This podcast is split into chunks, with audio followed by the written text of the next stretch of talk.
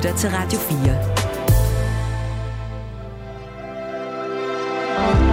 Velkommen til Mellemlinjerne. Din vært er Malte Burala.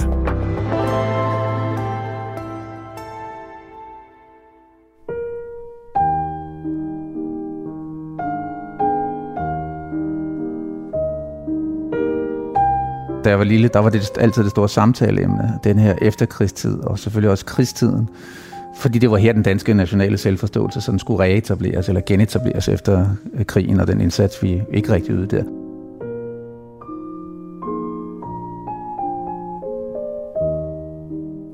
Filminstruktør Ole Christian Madsen er aktuel med sin første bog, spændingsromanen Manden fra mørket.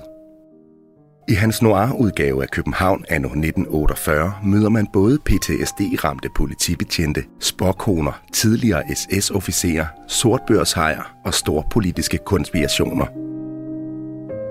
Det ene er ligesom, at krigen har sat sig alle steder i samfundet. Den har aldrig holdt op. Den bliver udkæmpet på de her skjulte planer nu, og også i de mellemmenneskelige relationer.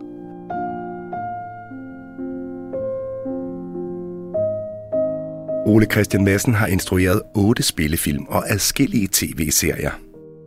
Men erfaringerne derfra, de hjalp ham ikke stort, da han gav sig i kast med manden fra mørket, som han endte med at bruge tre år på at skrive. Det tog lang tid at finde stemmen på romanen, fordi altså jeg var rundt, jeg lavede alle de rookie mistakes, jeg kunne lave. Øh, prøvede at holde det ud i strakt arm og skrive deskriptivt. Du ved, det tænker jeg, det er det, der minder mest om film. Jeg hedder Malte Vorela. Velkommen til Mellemlinjerne, hvor vi begynder med forskellen på at skrive en bog og lave en film.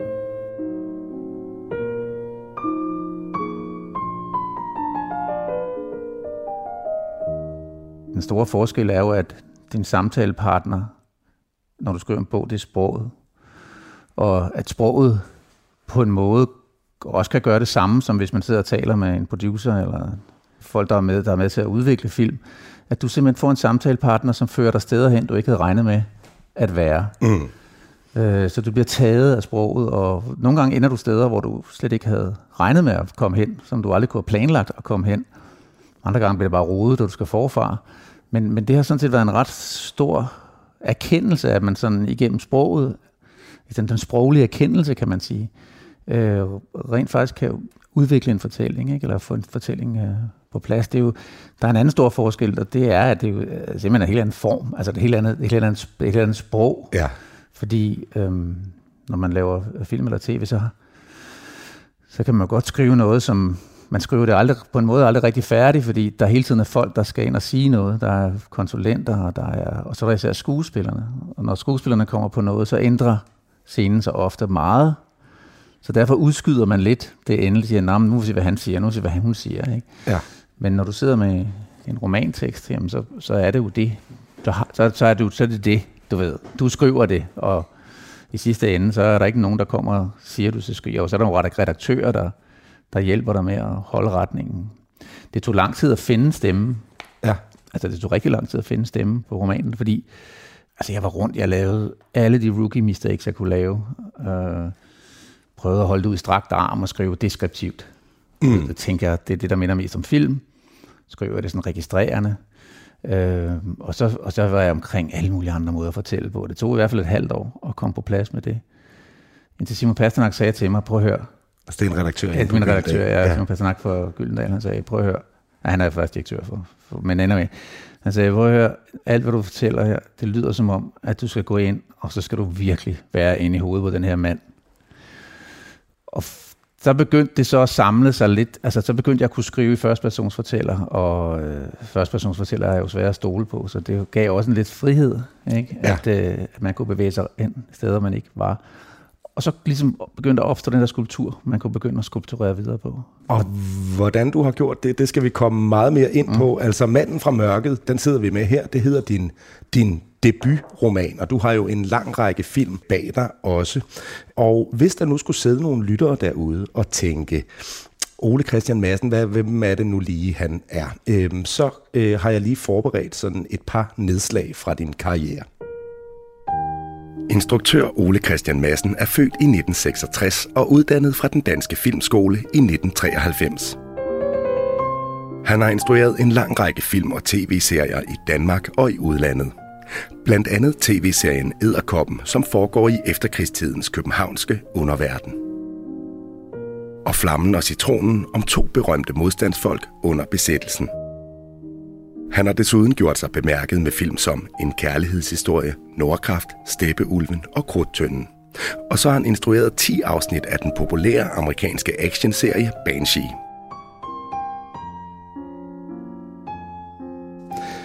Og nu altså aktuel med en mobbedreng af en spændingsroman, Manden fra mørket, som jeg sagde, øhm, og det er også som nævnt din første bog. Mm.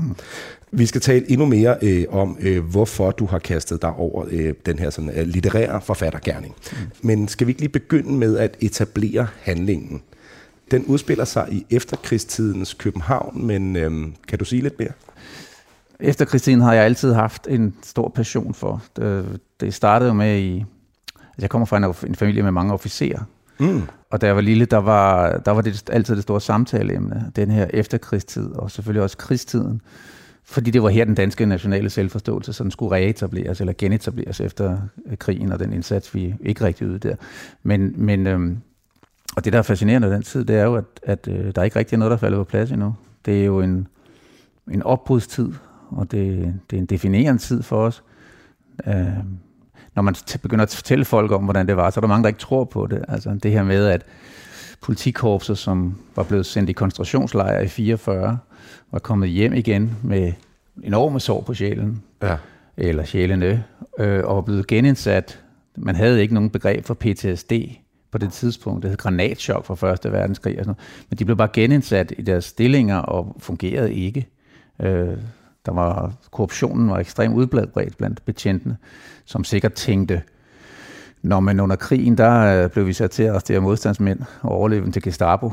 Altså vi har opretholdt samarbejdspolitikken med tyskerne. Ikke? Øh, takken for det var at blive sendt i koncentrationslejre. Ja. Når nu tager vi skæbnen i vores egen hånd, og at det her vil jeg ikke være med til mere. Det var sådan, kunne også tolke som en protest, den der korruption. Ikke? Øh, der var der er også en helt overset ting omkring de hjemvendte SS-soldater på den tyske Østfront. Ja, det er lidt uklart, hvor mange der tog afsted, men der er omkring sådan 7-8.000 øh, danskere, der tog afsted og kæmpe på Østfront. Mange af dem kom tilbage, eller de overlevende kom tilbage, altså og øh, gik rundt i København.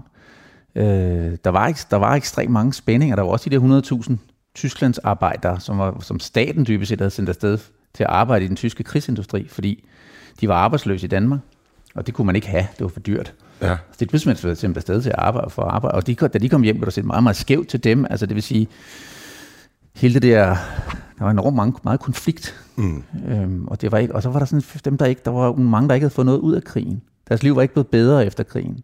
Det, det, det, det fortsatte. Fattigdommen var, var stor. Øh, der var meget, øh, meget vold. Øh, og og det, det, det, det synes jeg er en fascinerende arena, eller det vil jo. Ja, og det er så den, det København, som, som bogen foregår i. Der ja. er en hovedperson, der hedder Willy Falk, som ja. er politibetjent. Han er vendt hjem. Han er en af dem, som blev sendt mm. i øh, koncentrationslejr, ja. og er så vendt hjem. Han har lidt sin egen dagsorden også, udover Willy Falk har, Willy Falks primære dagsorden er at øh, hævne sin afdøde svoger som fra koncentrationslejren, og hævne sig på de danske SS-vagter, som var i koncentrationslejren. Mm. Så han har øh, sin egen dødsliste, ja, som så. han systematisk går frem efter. Og de er nogle af dem, som også er vendt tilbage. At være efterforskere. Ja, det er også nogle af dem, der er vendt tilbage og har skiftet identitet og har prøvet at skjule sig. Mm. Øh, men han har sin svigerfar, som er en slags selvbestaltet efterretningsagent, som øh, hjælper ham med det. Og han, øh, eller som i virkeligheden er driveren, er i virkeligheden den, der, der er mest er passioneret omkring projektet, at rydde op blandt dem, der har været med til at slå sønnen ihjel. Ikke? Øhm, men, øhm, men det er hans primære projekt, og så samtidig skal han jo forsøge at være efterforsker, og selvfølgelig gemme sin dagsorden så godt han kan. Mm. Det er hans konflikt, kan man sige. ja. Det er en stor konflikt, og samtidig har han, altså det, det ene er ligesom, at krigen har sat sig alle steder i samfundet. Den har aldrig holdt op. Den bliver udkæmpet på de her skjulte planer nu, og også i de mellemmenneskelige relationer. Og, øh, og han har en familie, Willy Falk, som er sønderknust af, af hans ubehandlede PTSD, hans manglende evne til at komme hjem fra koncentrationslejren, kan man sige, øh, og hans fortsatte hævnprojekt. Så hans, øh, hans forhold til sin jazzsangerinde, Anne, er splindret på en måde, hvor forsoning, eller hvor soning måske er umuligt. Ja. Øh, men hvor kærligheden dybest set er håbet for den her film. Eller undskyld på, sagde jeg ikke film, ja. Øh, så på den måde er det en... Øh, så på den måde har der, er der, er der det, her, det her lag med, at du kan ikke undslippe krigen. Skyggerne er for lange. Skal vi ikke prøve at tage en sekvens fra bogen, så man lige kan fornemme tonen, for eksempel bare fra begyndelsen? Altså jeg kan godt prøve, jeg vil sige, det er første gang, jeg nogensinde læser op øh, af noget, jeg selv har skrevet. Øh, men lad os prøve. Du har min fulde support. Så det her, det er første kapitel. Da jeg kom hjem fra lejren, var jeg træt. Jeg følte ikke, at jeg havde sovet i umindelige tider. Jeg var kun skin og ben. Min hud var grålig med små betændte sår fra loppebid, især på benene. Mit hår var for længst holdt op med at vokse. Og da jeg ser ud af bussen på rådspladsen, vidste jeg ikke, hvad jeg skulle sige til Anne, Inger og Albert. De stod og ventede på mig med små flag og længselsfulde blikke. De græd, da de så mig. Jeg så forfærdelig ud. Og jeg kom hjem alene. Ja, Erik fik jeg jo ikke med hjem, sagde jeg. Det vidste, de vidste godt. De vidste, at Erik ikke var med bussen. Alligevel var det, som om det først gik op for dem der. Anne både smilede og græd, da Inger kyssede mig overalt i ansigtet og ikke ville holde op. De var stille, da vi senere spiste højt belagt smørbrød i Tivoli.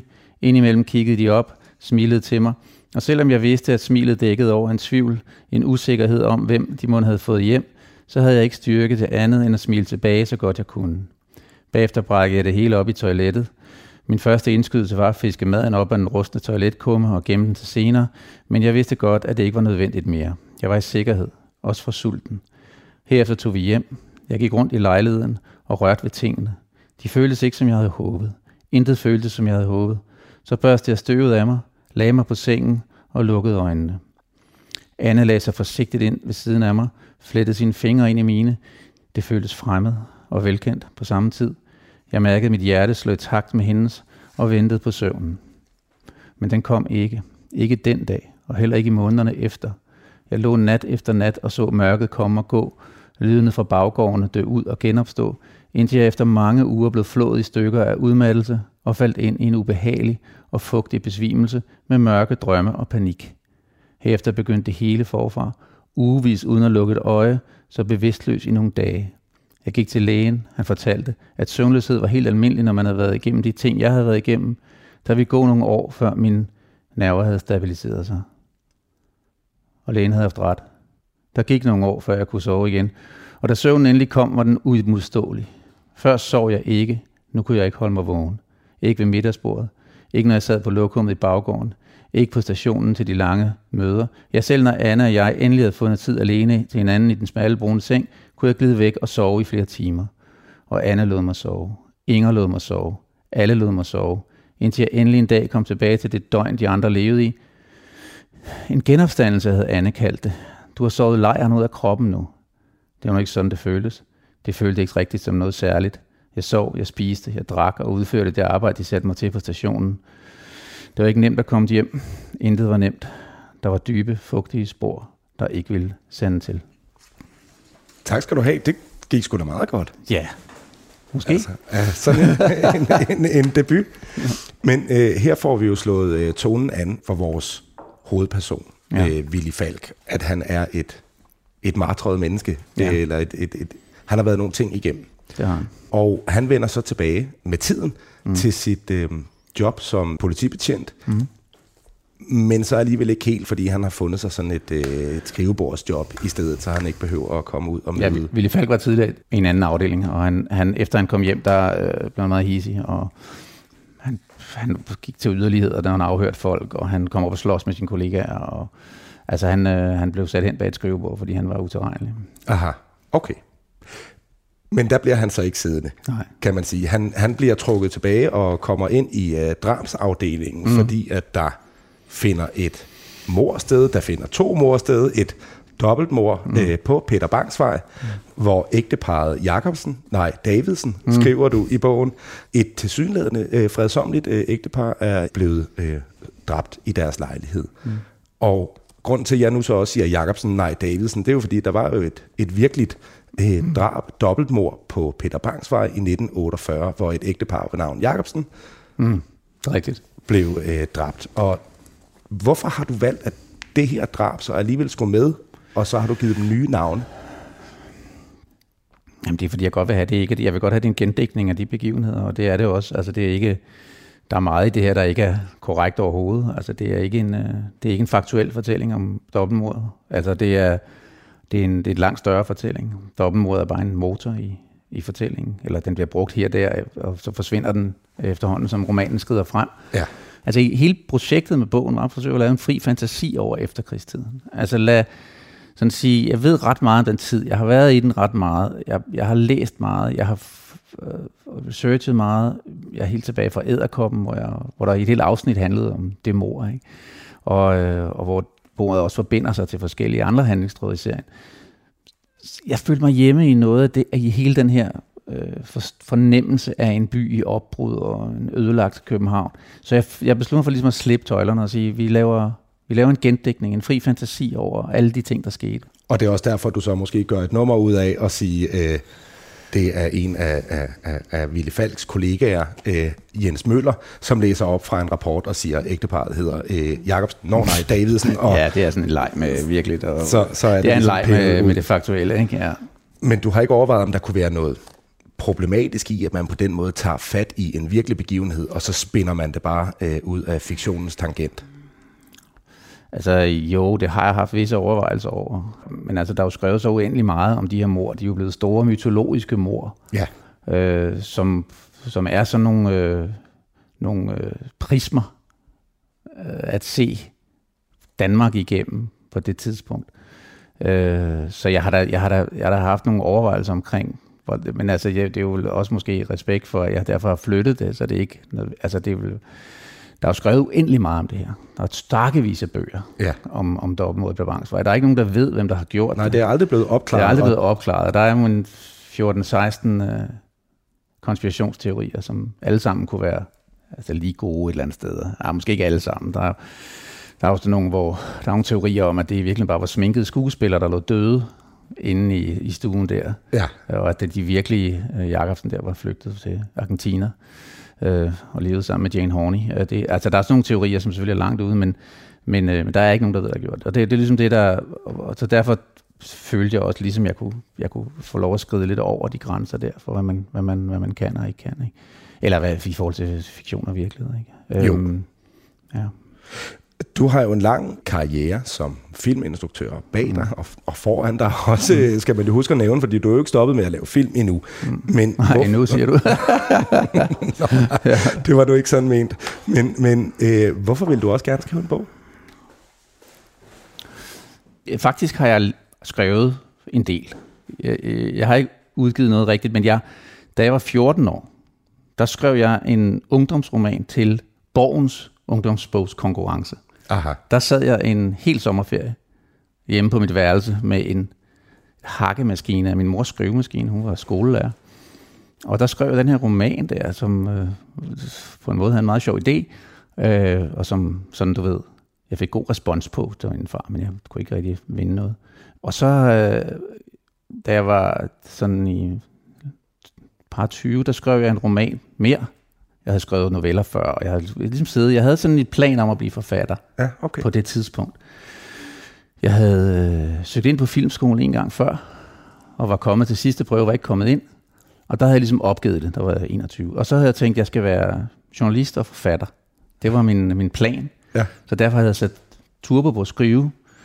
Og der, var en, der havde jeg, øh, der havde jeg, hvad hedder det, var, der var tiderne skifter på det tidspunkt, var interesseret i den, den skulle, der var bare selvfølgelig meget, skulle skrives om. Han blev overfordret til at skrive hele tre sidste afsnit om og sådan noget. Øhm, og så kom jeg ind på filmskolen. Og så tog... Øh, Og så øh, fik jeg aldrig lavet det der. Altså, jeg fik aldrig ikke skrevet den om, eller gå videre med den. Eller, den har jeg stadigvæk. Jo. Øhm, så på den måde har jeg... Øh, ja, på den måde har det ligget hos mig altid. Altså, at, at, at jeg godt kunne tænke mig det. Jeg kunne godt tænke mig, og jeg, og jeg kan godt... Og jeg, så, så det er ikke nyt på den måde, men det er helt nyt at stå i en udgivelse, og lige pludselig skulle, skulle øh, stå til mål for det. Ja. Altså, det er jo selvfølgelig noget helt andet, end at stå til mål for en film. Og et film er jo en, ko- et, et kollektiv. Ja. Øhm, og, og en bog er jo noget, du har skrevet. Altså. Jeg kan også mærke, jeg kunne mærke også, at jeg havde den der behov for at finde et ro i en arbejdsproces. Altså komme ind i, en, i den der skrivekubbel og, og være der. Ja. Og jeg synes, det har været ret fantastisk at få lov at sidde derinde i så lang tid. Øh, det har også været hårdt. Det er også svært, og det er udmavende, og man får depressioner af det. Okay. Også fordi det er så, altså materialet har været så mørkt. Ja. Altså det er et meget mørkt materiale. Ikke?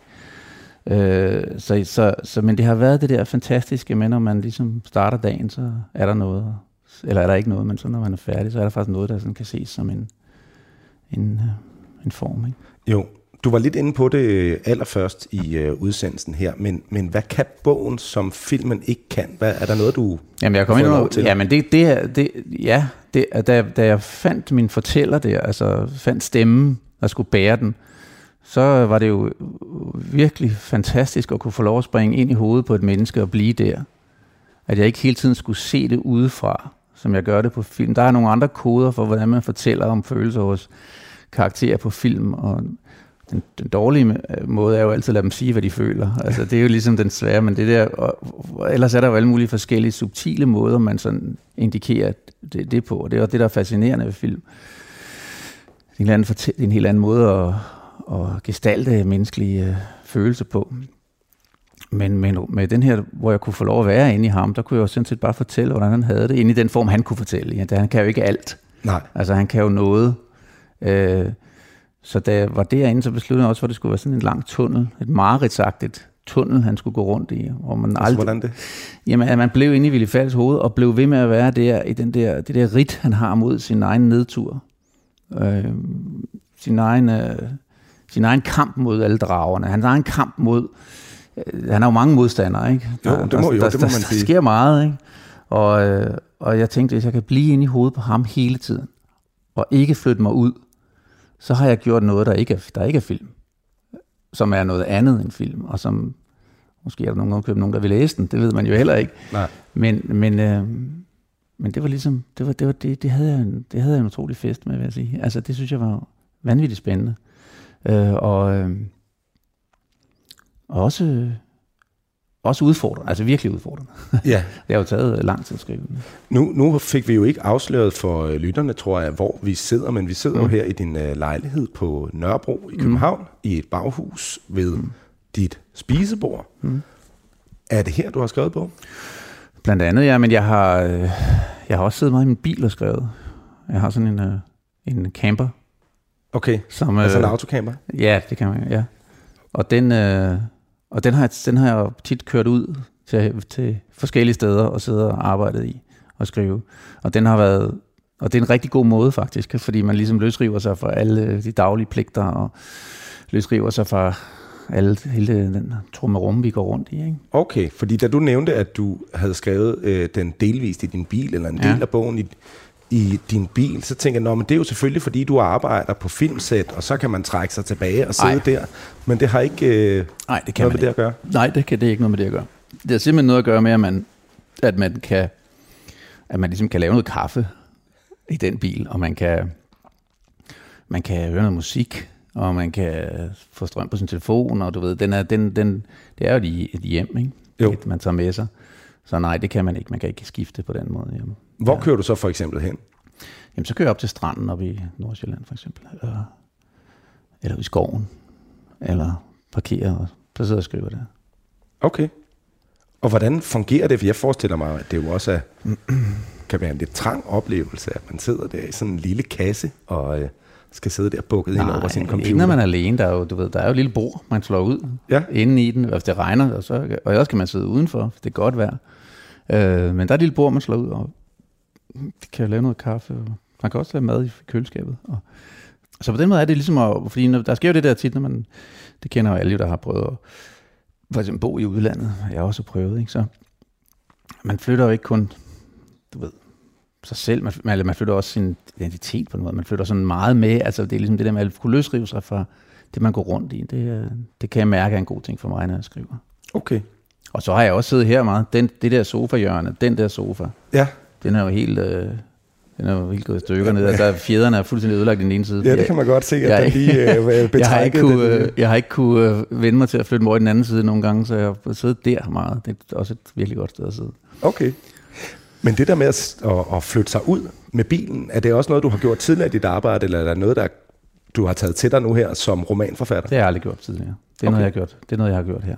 Okay. Det har jeg, det har jeg. Det, det, det, det, man skal jo finde måder, hvor man kan lukke ting ude for at kunne skrive, og der, er- det er en af måderne. At man, kan, man kunne ligesom lukke af, lidt, lad os så få lukket, lukket verden lidt af omkring sig. Ja. Hvor lang tid har det egentlig taget dig at skrive den her bog? Det har taget to år. Altså tre år alt i alt. Altså, Fra du- man fra du begyndte. begyndte. Ja, så har jeg haft en pause på et tidspunkt, og så har jeg gået i gang igen. Ikke? Jeg havde skrevet hovedparten inden sidste. Ja, jeg har skrevet om det stor del af det inden sidste sommer, og så havde jeg nogle ting, jeg var nødt til, at jeg skulle lave. En spillefilm, jeg skulle lave, og så, øh, og så gik jeg i gang igen derefter igen, da jeg var færdig med optagelserne. Hvad har det været det sværeste ved at skrive bogen? Jamen jeg vil sige, at det sværeste har jo været, at man, øh, at man, øh, at det er en ensom proces. Og for en mand, som egentlig altid har godt kunne lide at være alene, jeg har godt kunne lide at være alene, så var det alligevel en udfordring at, at, at være så meget alene, som det er nødvendigt for at skrive. Øh, eller bare for mig for at skrive i hvert fald. Så har det, altså det, det der, du ved, det sproglige har jo selvfølgelig også været en udfordring, fordi jeg, jeg, skulle jo, jeg kan jo godt skrive, men, men, men lave noget, der, der sådan kunstnerisk har en værdi. Øh, skrive noget, hvor der ikke er, du ved, jeg vil helst ikke have det, jeg vil helst ikke have for mange, jeg vil, der er jo mange digressioner i, til forskellige historier, i, i, fordi det er sådan det her store, det er en meget vidt forgrenet øh, billede på efterkrigstiden. Der er mange mennesker med. Ja. Så det vil sige, at jeg skulle, der skulle være et vist fremdrift hele tiden, samtidig med, at man skulle følelsesmæssigt være til stede. Øhm, ikke mindst i forhold til øh, Ville Falk og hans kone, som jeg selv synes har været meget bevægende at skrive, og håber også, det virker bevægende at læse om, om to mennesker, der er et splindret kærlighedsforhold, som, som er næsten umuligt at, at zone. Øh, så det der, den der måde at finde ud af, hvordan rytmen skulle være, og hvordan, øh, tekst, hvordan teksten både skulle bevæge sig fremad, og samtidig fordybe sig, og at det er jo et nyt, det er et nyt håndværk, eller fag, kan man sige, Ja. øh, som jeg jo først lige har taget hul på. Og der har du så siddet meget alene med Der er, det. det har jeg siddet jeg er meget alene med. Du lytter til Mellem Linjerne på Radio 4, hvor jeg i dag taler øh, med filminstruktør og nu også romanforfatter Ole Christian Madsen. Øh, og vi taler om din debutroman, Manden fra mørket.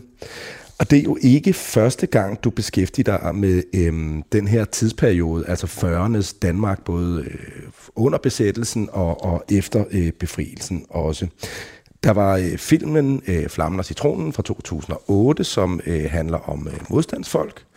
Og så var der tv-serien øh, Æderkoppen fra år 2000, som vi også har nævnt. Den handler om en ung journalist, som dykker godt og grundigt ned i den. Øh, Ja, og romanen er meget i familie med Æderkoppen, vil jeg sige. Altså Ja. også i stemning og følelse, og du ved, øh, hele den noir, noir-følelsen, ja, eller fornemmelsen, eller stemningen, den er meget... øh, Den, præcis. Der bliver gået med blød hat og røget mange cigaretter og mødtes i, øh, under, i lygtepælen skær, eller alle- måske endda lige uden for det. Ikke? Men altså, nu, nu cherrypickede jeg så lige to øh, titler her fra, fra din karriere. Du har ja. Jo også øh, lavet meget andet end, end det her. Men Men jeg har også mange kuldsejlede projekter fra den tid. okay, Du ved, det er jo meget svært, at, det er jo ikke nemt at, altså det er jo svært at finansiere de der film, som er dyre og store. Og lige når du flytter dig tilbage til krigstiden eller efterkrigstiden, så er det dyrt, ikke? Så der ligger en del sådan projekter, som heller ikke, som ikke blev til noget. Enten af forskellige årsager, det ene ikke var stærkt nok, eller der har været, og ikke som regel, fordi der ikke var finansieringsinteresse. Man skal jo også tænke på, at Lars K. Andersen, øh, som jeg lavede Flamme og Citronen sammen med, øh, ja. øh, vi brugte jo øh, faktisk næsten 10 år på at få den film lavet.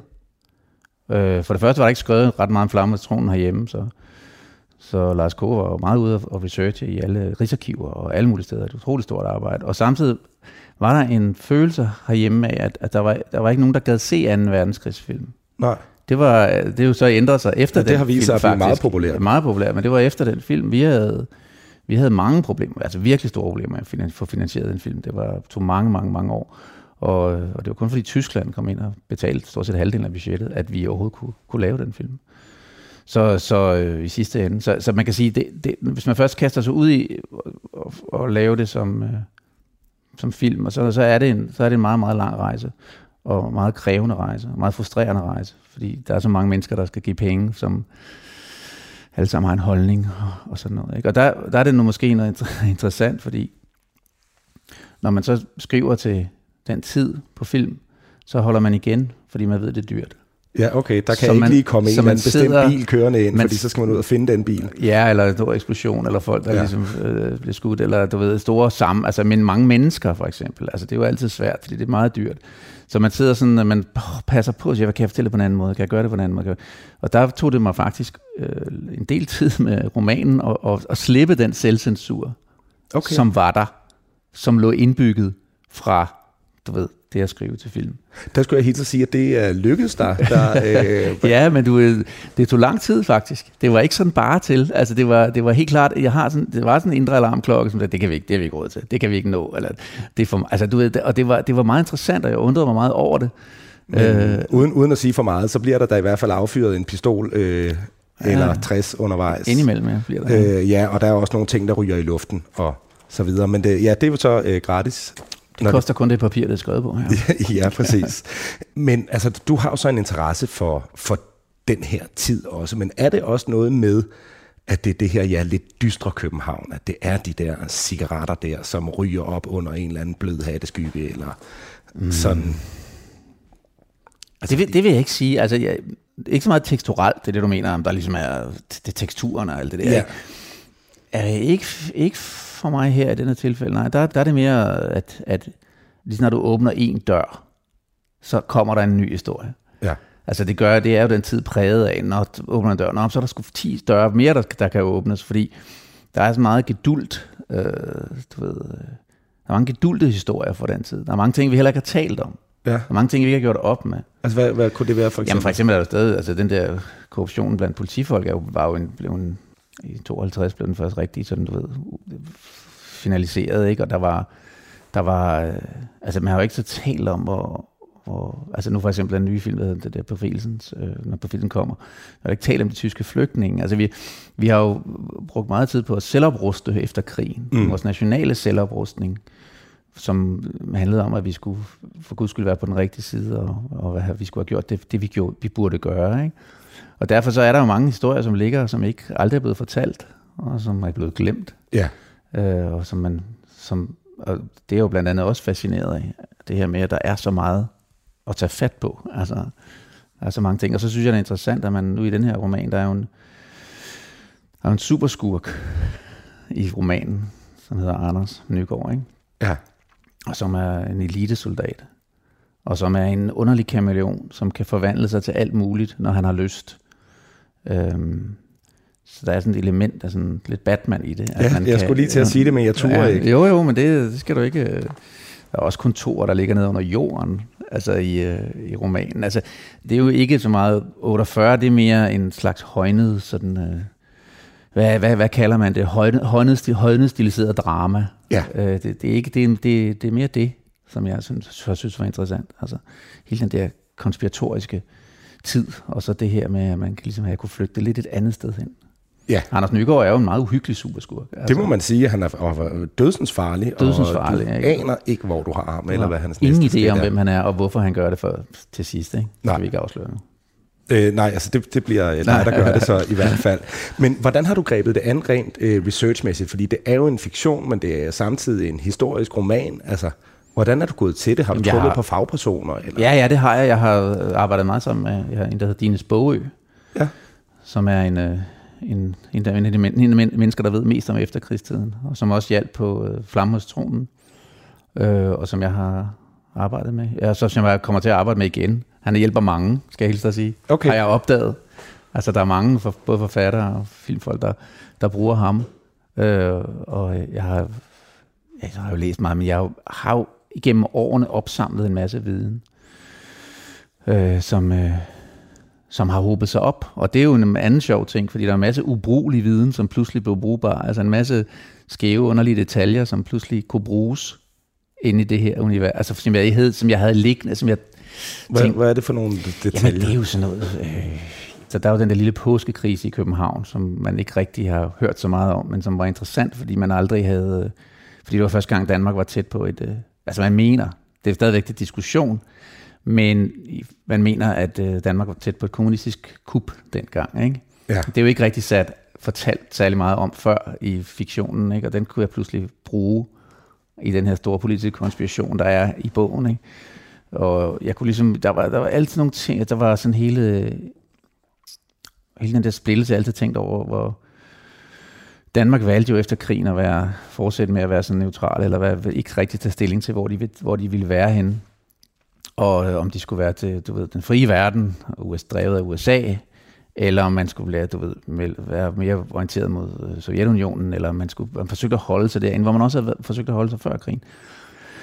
Øh, det vil sige, der var enormt meget, der var sådan meget spiontjeneste i København på det tidspunkt. Der var mange, der ligesom havde en agenda de første tidlige, det hed ikke CIA, ja, det kom til faktisk til at hedde CIA 48, 48, men de grupper af arbejde, der var kommunistiske grupper, der var infiltration, og der var alle de der ting, og det tænker jeg sådan, det er interessant, jeg ligesom kan, kan kaste det ind i, øh, i historien. Ikke? Og det, det, det, det, det, det havde jeg sådan set ikke tænkt, at jeg kunne, jeg kunne Nej. få til at passe ind. Nej, så der er en eller anden form for historisk ramme, som du så kan fabulere indenfor. Ja, det er simpelthen det, jeg, det, er det, der, det, er det, der har været planen, det er at sætte en historisk ramme op, og så fabulere frit. Ja. Eller en fri fantastisk gendækning af, eller af nogle begivenheder. Ikke? Er der nogle steder, hvor det har været, alligevel været særligt vigtigt for dig, at den sådan historiske afspejling var nøjagtig? Nej, ikke rigtigt. Nej, ikke. Nej, men det har det ikke, fordi jeg, du ved, jeg har øh, de film, jeg har lavet, der er historiske, jeg har lavet et par stykker, ikke? Altså også Stæbulven og sådan Altså jeg har jo, man har jo, man har jo hele tiden nogen efter sig og siger, sådan var det ikke, og det er jo misforstået, og du ved, det er, så derfor har jeg besluttet mig for, at, at nej, det var ikke vigtigt, fordi så kunne jeg sige, ja, der er masser af faktuelle fejl, og ja, stoffet på kjolen er forkert, ikke? og ja, linje 5 kørte ikke der, men den kørte et eller andet sted i København. Ja. Det, det var en del af det, også var at slippe det. Altså at kunne sige, lad mig, fabul- lad mig fabulere frit over det her. Ikke? Det, var, det, var, det var det. At der, det er mere nogle emotionelle ting, der har været vigtige for mig. Altså forholdet til konen har været meget, altså for hans, hans Anne der, har været vigtigt. Der er nogle ting, som har været vigtige, at de var, de var sådan det emotionelle fundament i fortællingen. At det ikke blev det er jo, der er jo mange forskellige spændingselementer øh, i romanen. Ja. Men det var vigtigt for mig, at der var en, en, en, et, dels et kærlighedsforhold og et dels en traumefortælling, som, som, som var grounded, eller som var, var fundamentalt for historien. Okay. Har du mod på at læse op en gang mere? Jeg kan da prøve, hvis du synes, det gik okay. Vi er stadig ikke så langt hen i bogen, men vores hovedperson, drabs efterforsker Willy Falk, han er mødtes med en person, der hedder Frederik Ramsing. Han præsenterer sig som den dræbte, eller det dræbte ægtepærs øh, nære ven, og der, hvor vi kommer ind i handlingen, der har han netop set nogle fotografier fra gerningsstedet, og det har rystet ham lidt. Han kastede sig tilbage i stolen, tydeligvis berørt, bestilte en snaps fra den passerende tjener, trak lidt ind i sig selv og stirrede tomt ud i det kulørte lokale, hvor flere af bordene nu var fyldt med scenefolk og ældre skuespillere, der spiste frokost sammen. Jeg havde engang en drøm om at blive skuespiller. Jeg var faktisk med et par film. Uh, en af dem blev en pæn succes. Den var uhyggelig og blodig, og alligevel lå og modede vi os, mens vi lavede den. Er det ikke besynderligt? Kender jeg filmen, spurgte jeg. Næppe. Den er fra 1913, før de var gamle nok til at gå i biografen. Manden fra mørket hed den. Fiktionen må være lige så grum og mørk, uforudsigelig og brutal, som den vil, men den virkelige verden skal helst opføre sig, som folk ønsker sig, ellers vil de ikke kendes ved den. Folk vil hellere benægte, at noget finder sted, frem for at anerkende, hvor meningsløs og voldsom verden er. Forstår de? spurgte han og kiggede opfordrende på mig. De forsøger vel bare at bevare håbet, sagde jeg, og tænkte, at Ramsing var flere personer, end jeg havde forestillet mig. Den flagrende levemand var kun en af dem. Desværre, så tror jeg slet ikke, at mennesker er rigtig i stand til at leve i virkeligheden, som den er. De vil helst leve i deres egen forestilling om virkeligheden. De vil leve i den fantasi, som virkeligheden får dem til at føle sig bedre tilpas i. Og det vil de selvfølgelig, fordi de inderst inden godt ved, at den verden, vi lever i, er for ubehagelig til at kunne holde af, sagde han og lænede sig en smule frem mod mig. Jeg ved, at de er klar over, hvad jeg taler om. Det havde han ret i. Jeg havde set et tilstrækkeligt antal venner og bekendte blive fjerne i blikket, hvis jeg havde drukket for meget og dristet mig til at tale om lejren. Tak skal du have. Altså Frederik Ramsing er jo en meget sammensat skikkelse, og viser sig jo at stå bag den helt store internationale konspiration til sidst i bogen. Ja. Han er jo den, han er jo en mand, der ved det hele, der ved alt, men lader som om han intet ved. Og han, øh, han øh, ved jo alt om Willy Falk, det ved vi ikke på det her tidspunkt. Men han ved jo alt om hans hævnliste, hans dødsliste, han ved jo alt om, hvad Willy Falk har lavet. Ja. Så han bruger ham i det spil, der handler om at få Willy Falk til at udlevere noget, som han tror, han har fra gerningsstedet. Og du er ikke ked af at øh, løfte sløret for det her i øh, radioen? Jeg har ikke lyst til at sløre for det. Okay. Fint, men det er mere, fordi jeg går sådan på øh, listesko, når ja. øh, det handler om de her plotdrevne øh, Historier. ting. Ja, så jeg sagde også sådan, at de ting, jeg har valgt ud, det skulle gerne være fra starten af bogen og, Ah. og sådan. Men ja. Lad os tage udgangspunkt i noget af det, som ham, øh, Frederik Ramsing her, han fortæller. Fordi han siger, at han i sine yngre dage gik med skuespillerdrømme mm. og også medvirkede i en film, der hed Manden fra mørket, som kom i 1913. Din bog hedder Manden fra mørket, og hvis man lige googler lidt, så kan man se, at der øh, også rent faktisk kom en film mm. i 1913, som hed Manden fra mørket. Man ved vist ikke helt, hvem der har instrueret den. Det var en kort film. Hvorfor skulle din øh, bog opkaldes efter den her film? Altså, jeg ville enormt gerne have, at de havde den samtale om, hvordan vi ser verden. Ja, Jeg vil gerne have, at de havde en samtale om, at verden... Altså, jeg har, det er jo også noget, vi oplever meget i dag. Altså, folk vil jo helst gerne leve i den verden, som de selv synes er altså, rigtigt. Det er jo, det er jo naturligt nok. Øh, men tit, tit så øh, lever vi jo sådan... Altså, tit så, så har vi jo svært ved at være i verden, hvis vi anerkender, hvor voldsomt det egentlig er. ja, Øh, hvis du, det er tit, hvis du fortæller en, for eksempel andre mennesker en tragisk historie, du har oplevet eller noget. Ikke? Der er jo meget tit, der er, jo, der er meget tit, de sådan bliver ubehagelige til mode. Altså, der er jo så meget, vi kan tage så så meget ind. Det her, det var en tid, hvor man tog så så meget ind. Ikke? jo. Øh, der var voldsomt. Det var voldsomme ting, der skete. Og nu var der selvfølgelig ikke, dengang var der jo ikke en mediebillede, som der er nu, og der var heller ikke, var heller ikke sociale platformer og den slags. Men øhm, så der er ikke den der påvirkning, der er nu, men det var en, det var en, det var en, det var en tid, hvor man ligesom skulle finde en ny måde at bevæge sig i, i verden på, og lægge redslerne bag sig. Lægge korsetlejrene, lægge krigen, lægge øh, fattigdommen og alt det der bag sig. Ikke? Så derfor så var det en, ja, det var den, den samtale, synes jeg var, ville jeg gerne have med. Og det er så det, han siger, Frederik Ramsing her. Fiktionen må være lige så grum, mørk, uforudsigelig og brutal, som den vil, men den virkelige verden skal helst opføre sig, som folk ønsker sig, ellers vil de ikke kendes ved den. Ja. Og det er jo noget, vi nok også godt altså, kan se i dag. Ikke? Verden skal helst opføre sig, som vi gerne vil have, have for, vi, for vi selv føler, der er plads til os. Ikke? Hvis jeg må have lov til at dvæle en lille smule mere med de her referencer til filmens verden, øhm, så er der jo i din bog, Manden fra mørket, flere af navnene, der synes genkendelige. Mm. Vi nævnte øh, Frederik Ramsing i din dramaserie øh, Æderkoppen. Der er der jo en øh, betjent, der hedder Ove Ramsing. Så er der i Æderkoppen Nå ja, en rigtigt, øh, informant, der hedder Væsel. Mm. Den blev spillet af Claus Ryskjær Ja, i øvrigt. Det, det står fantastisk, ja. meget øh, klart for Ja, mit ja, indre blik. ja, ja, Øh, I din nye bog, så er der mindst en betjent, der øh, bliver kaldt for Væsel. Ja. Og i Æderkoppen, så er der den her sortbørskonge, øh, der hedder øh, Hjalmar, Svend Ove Hjalmar. Og i Manden fra Mørket, så er der en, en mindre karakter, øh, men også en skurkagtig type, der hedder Hjalmar. Hvorfor øh, har du øh, strøget de her øh, navne ud over? Jamen, det er Altså, jeg går ud fra, at det ikke er et tilfælde. Nej, men det er, det er både et tilfælde og ikke et tilfælde. Der er bare nogle navne, man godt kan lide. Okay. Altså, i Æderkoppen, der ændrede vi jo alle navne. Altså, øh, så vi, fordi det også var jo fiktion, øh, en slags fri gendækning. Øh, og der er jo bare navne, jeg godt kan lide. Jeg kan enormt godt lide ordet- navnet Hjalmar Ja.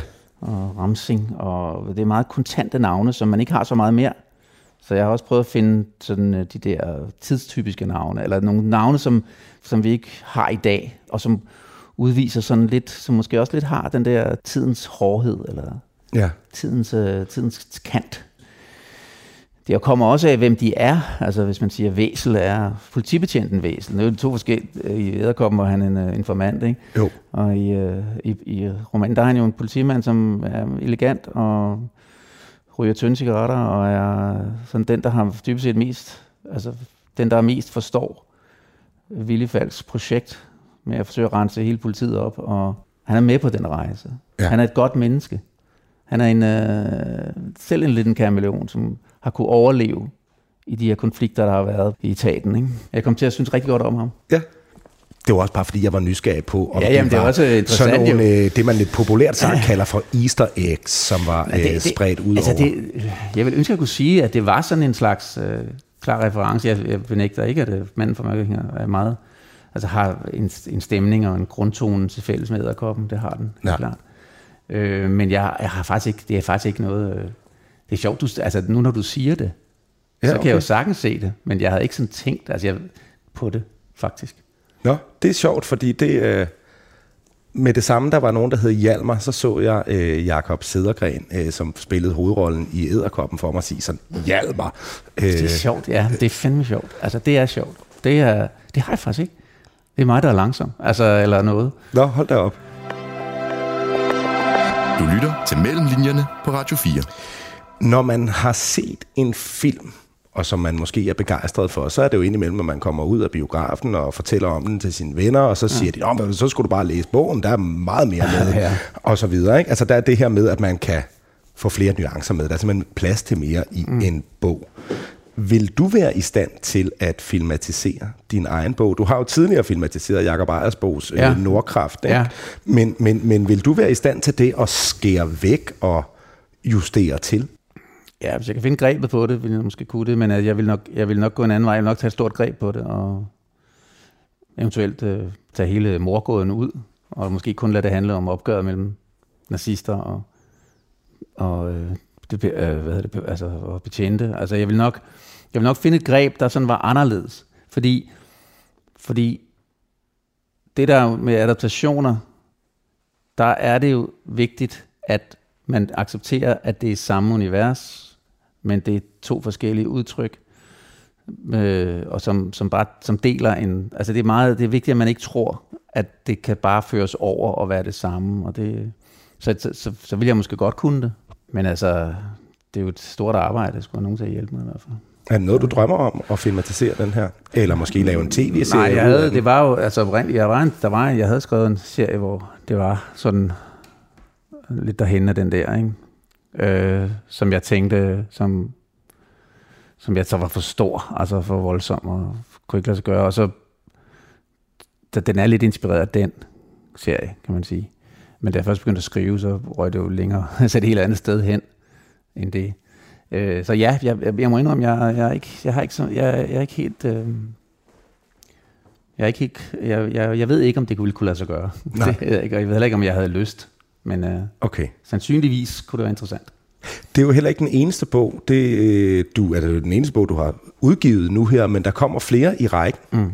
At det er den første af fire, ikke sandt? Jo, altså ideen er at lave øh, det, jeg kalder dekadeserien. Det vil sige, at man springer 10 år i tid øh, og går frem til 1958 i den næste. Og den hedder lige nu Kvinden fra Kalifornien. Okay. Og, øh, og så har man en stafetfortælling indbygget, det vil sige en mindre person, en mindre øh, karakter fra den første bog, går videre og bliver hovedpersonen i den næste. Og, øh, og øh, centrerer sig, den næste koncentrerer sig også omkring en konspiration i tiden, Ja. som øh, jeg også igen får fabulere frit indenfor. Ikke? Øh, Hvad, kan du sige, hvad det er for en konspiration? Mm, nej, det kan jeg ikke sige nu. okay. Er det fordi, du ikke har besluttet det, eller fordi du er en gådefuld type? Nej, det er bare fordi, at det, det er lidt svært at tale om så tidligt, Ja. vil jeg sige. Men øh, jeg tror, jeg har den, men nu må vi se. Øh, det kan også ændre sig. Altså, det er jo, du ved, alting er jo en proces, som man siger, ikke? Men øh, Men har du allerede nu besluttet dig for, hvad der skal være det gennemgående for de næste tre? jeg har ikke, ikke alle tre, men, men øh, jeg har en idé om, hvad det er for en konspirations i tiden. I, næste bliver så 68, hvor det så er en, øh, endnu en, en, en, en mindre karakter fra 58, der går videre og bliver hovedperson. Ja. og samtidig med 78, og der stopper den, ikke? Og øh, så jeg har en, en løs idé om, hvad der de to sidste kunne være omkring, men altså slet ikke på noget sådan, ikke, ikke sådan, jeg kan så fortælle dig hvad, præcis, hvad der sker og alt det der, ikke? men en idé har jeg. Jamen, det skal blive spændende at se, hvordan ja. det øh, udvikler sig. Ja. Tak fordi, at du vil være med imellem linjerne, Ose. Til, til hver en tid, ja. Og tak fordi jeg måtte komme. Og Ole Christian Massens roman Manden fra mørket, den er udkommet den 19. september, og det er den på Gyldendal.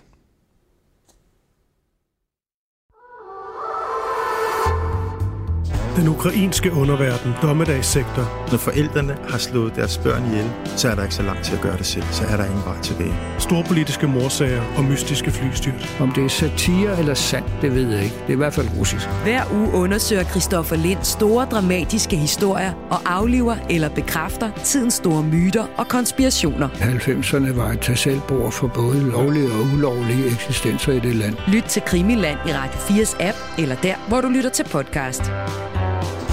Radio 4. Hele systemet er jo et eller andet sted en stor mafiastat. Ikke så forudsigeligt.